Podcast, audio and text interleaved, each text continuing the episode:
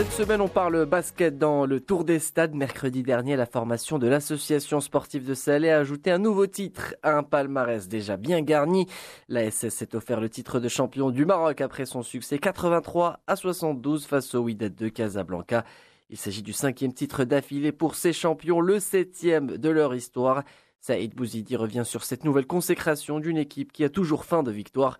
Il est notre invité de ce tour des stades. La victoire, était difficile. On, avait un adversaire qui était rude, un adversaire qui était jeune, plein de volonté, qui nous a posé beaucoup de problèmes. Mais c'était une belle finale pour nous parce qu'il y a longtemps qu'on n'a pas disputé des matchs de finale comme ça avec cette agressivité, ce score euh, qui varie entre un point, deux points, euh, ce qui balance entre ça et le WAC. Au quatrième quart-temps, on a, on a su se concentrer sur le quatrième carton. On a exécuté ce qu'il fallait faire normalement pendant trois cartons qu'on n'a pas qu'on pas pu faire. On l'a fait euh, quatrième carton, donc on était bien contrôlé dans le jeu.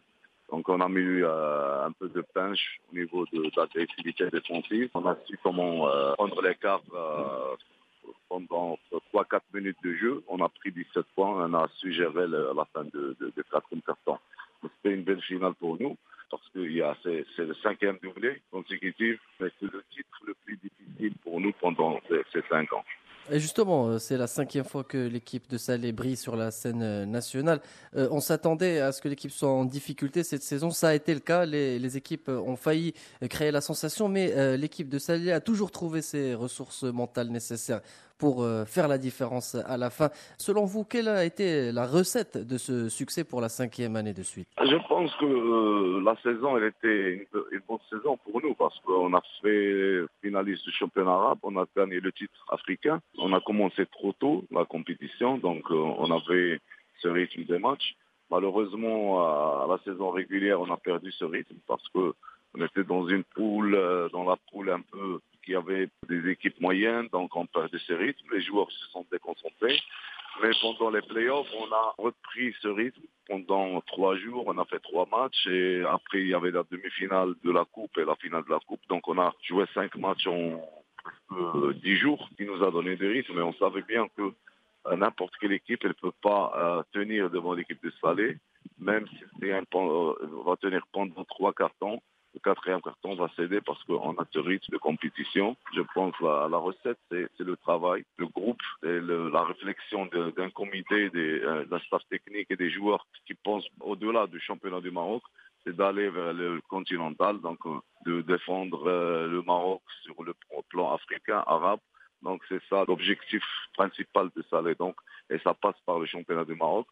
Donc on est, on est obligé de, de, de, gagner le titre pour aller chercher le titre continental. Donc c'est pour cela qu'on est toujours concentré pour gagner les titres. Et justement, ça sera d'ailleurs ma dernière question avec euh, ce palmarès qui continue d'être étoffé, la SS qui continue d'écrire sa légende, cinquième titre d'affilée, euh, septième de l'histoire sur le plan national. On pourrait dire que la SS impressionne maintenant, comme vous l'avez dit, on cherche à briller sur la scène euh, continentale.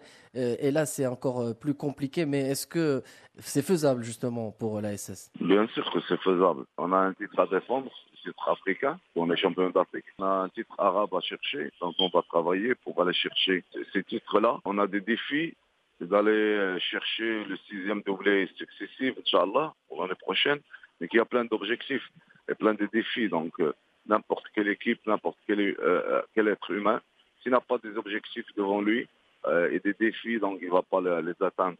Il faut toujours tracer euh, une ligne et des objectifs et tout ça, donc pour aller chercher la performance. Donc c'est ça notre euh, objectif, c'est ça notre euh, secret, c'est d'avoir toujours des objectifs et de, de, faire des défis. Parce que là, on, on, a gagné cinq titres successifs, on doit aller chercher le sixième, on doit aller chercher le championnat arabe, euh, le championnat d'Afrique, Inch'Allah. Il n'y a pas quelque chose à, cacher, donc euh, il faut qu'on travaille, il faut, il faut faire des recrutements pour, pour que l'équipe euh, essaye de jouer plus à l'aise. Une chose est sûre, l'association sportive de Salé est plus que jamais inscrite dans l'histoire du basket marocain avec cinq doublés de rang Coupe Championnat. La SS détient également le titre de champion d'Afrique remporté en 2017 et reste sur deux finales perdues lors du championnat arabe des clubs champions, une compétition qui semble désormais plus que jamais à leur portée.